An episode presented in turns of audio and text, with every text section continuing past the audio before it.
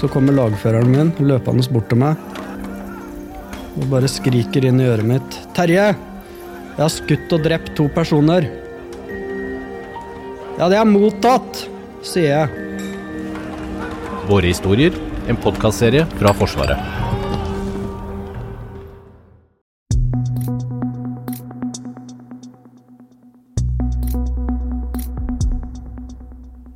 Forsvaret skal styrkes med 11 milliarder frem til 2026 for å nå Natos mål om 2% av brutto nasjonalprodukt. Det kom frem på en pressekonferanse tidligere i dag. Og Det vi varsler i dag, er at eh, Norge nå legger en plan for å bruke minst 2% av Norges brutto nasjonalprodukt på forsvar innen 2026. Du hører på Forsvarspodden. Jeg heter Lars Hallingstorp. Vi skal snakke med forsvarsministeren om økningen av budsjettet. Men først skal vi høre statsminister Jonas Gahr Støre fra pressekonferansen i dag. Og Det vi varsler i dag, er at eh, Norge nå legger en plan for å bruke minst 2% av Norges bruttonasjonalprodukt på forsvar innen 2026. Eh, og eh, Det viktige for oss er å kunne kommunisere dette klart og tydelig som en del av oppspillet til Natos toppmøte i Vilnius i juli. Forhistorien er jo at alle Natos medlemmer har siden 2014 hatt som mål å nå 2% av landets bruttoinntekter på forsvar. Eh, en del land har nådd målet, noen ligger over, andre ligger under, og eh, noen har ikke hatt en slik plan. Norge er blant eh, de landene. Det er slik at per innbygger så bruker Norge mest på forsvar etter USA i Nato. Så Per innbygger bryter vi forsvarsutgiftene ned, så bruker vi altså mest eh, etter USA. Vi har også et mål om å bruke 20% av budsjettet på forsvar på investeringer, eh, og vi ligger over det. Dvs. Si investeringer da i utstyr og satsinger som er nødvendig. Men vi er av de landene som da til nå ikke har hatt en plan for å nå dette 2 %-målet. Det har vi nå. Eh, og Det er et bidrag til Nato-alliansens samlede satsing på eh, det kollektive forsvaret. og Det er også en del av det vi kaller byrdefordeling. Som vi har sagt flere ganger, så er det et før og etter 24.2.2022 den første angreps- og erobringskrigen i Europa siden annen verdenskrig.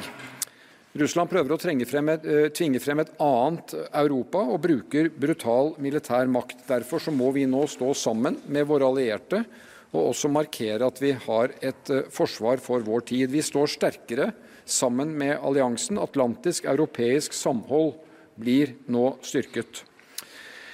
Land etter land gjør nå vurderinger av forsvaret sitt, innretningen og samarbeidet i Nato. og Nato har også styrket sine felles planer. Vi har et mye bra i det norske forsvaret, men vi har også i vår regjeringstid avdekket mangler, utfordringer, ting vi trenger å gjøre medre, mer og bedre.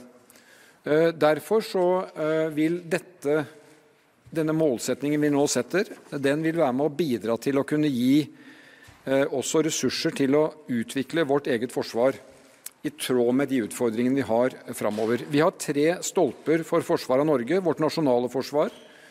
Bilaterale avtaler, altså avtaler mellom Norge og andre land, i første rekke USA, men også eh, land nærere oss geografisk. Og så er det medlemskapet vårt i Nato. Her ligger vår forsikring. Og med det nye sikkerhetspolitiske landskapet så tror jeg jeg kan si det sånn at forsikringspremien går opp. Og da må vi være med og betale det. Medlemskapet i Nato er helt avgjørende. Norge er det jeg kaller Natos øyne og ører i nord. Vi eh, skal bidra til å eh, være en forutsigbar, gjenkjennelig, langsiktig nabo der oppe i nord, i Norskehav, Barentshav, Arktis.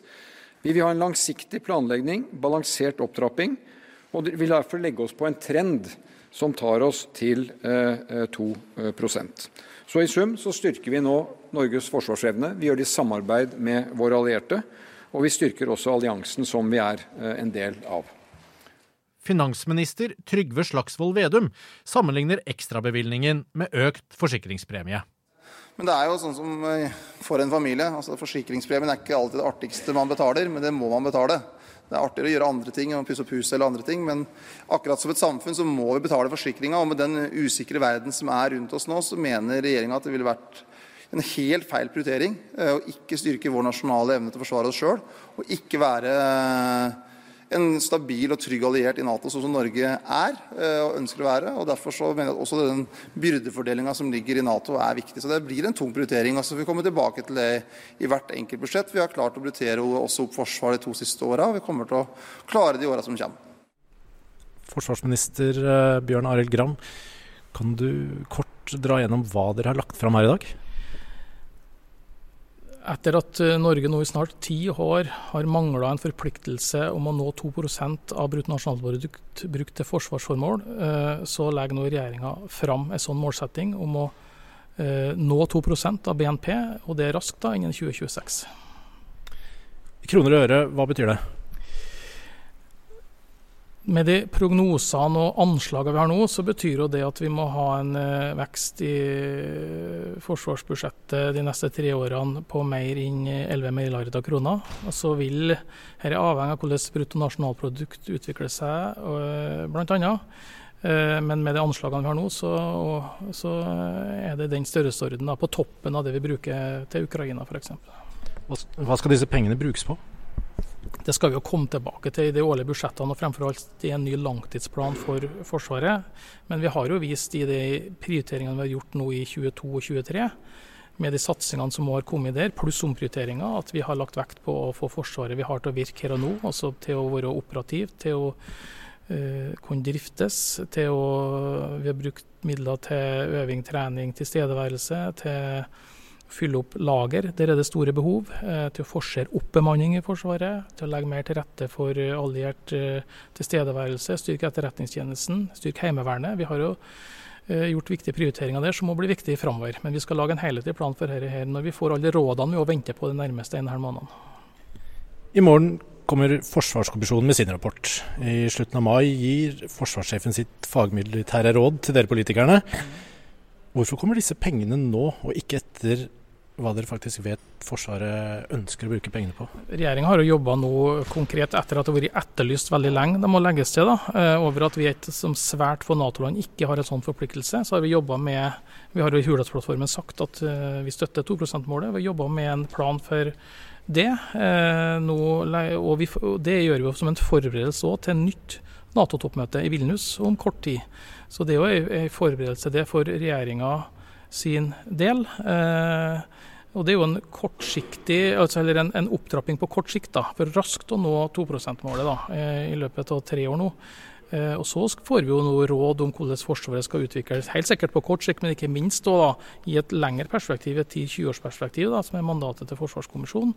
Og vi får totalberedskapskommisjonen og NSM og forsvarssjefen i den nærmeste tida. Og da ligger det òg på banen, på bordet, en, en, en tydelig forpliktelse fra regjeringa til å raskt komme opp på 2% av BNP. og det jeg blir veldig overraska hvis det ikke vil ha støtte i det arbeidet som de nevnte organene og personene har drevet med den siste tida. Vil det være nok til å øve, øke Forsvarets operative evne? Vi vet forsvarsmateriell er jo dyrt. Det er opplagt at dette vil bidra til å styrke Forsvarets operative evne, til å styrke Forsvaret, til å styrke norsk beredskap. Så skal vi komme tilbake til da, nøyaktig hvordan vi skal innrette satsingene i årene framover. I de årlige budsjettene og i langtidsplanen. Du har hørt Forsvarspodden. De som lager Forsvarspodden er Thomas Haraldsen, Hege Svanes, Jørgen Lyngvær, Fredrik Tandberg og meg, Lars Hallingstorp.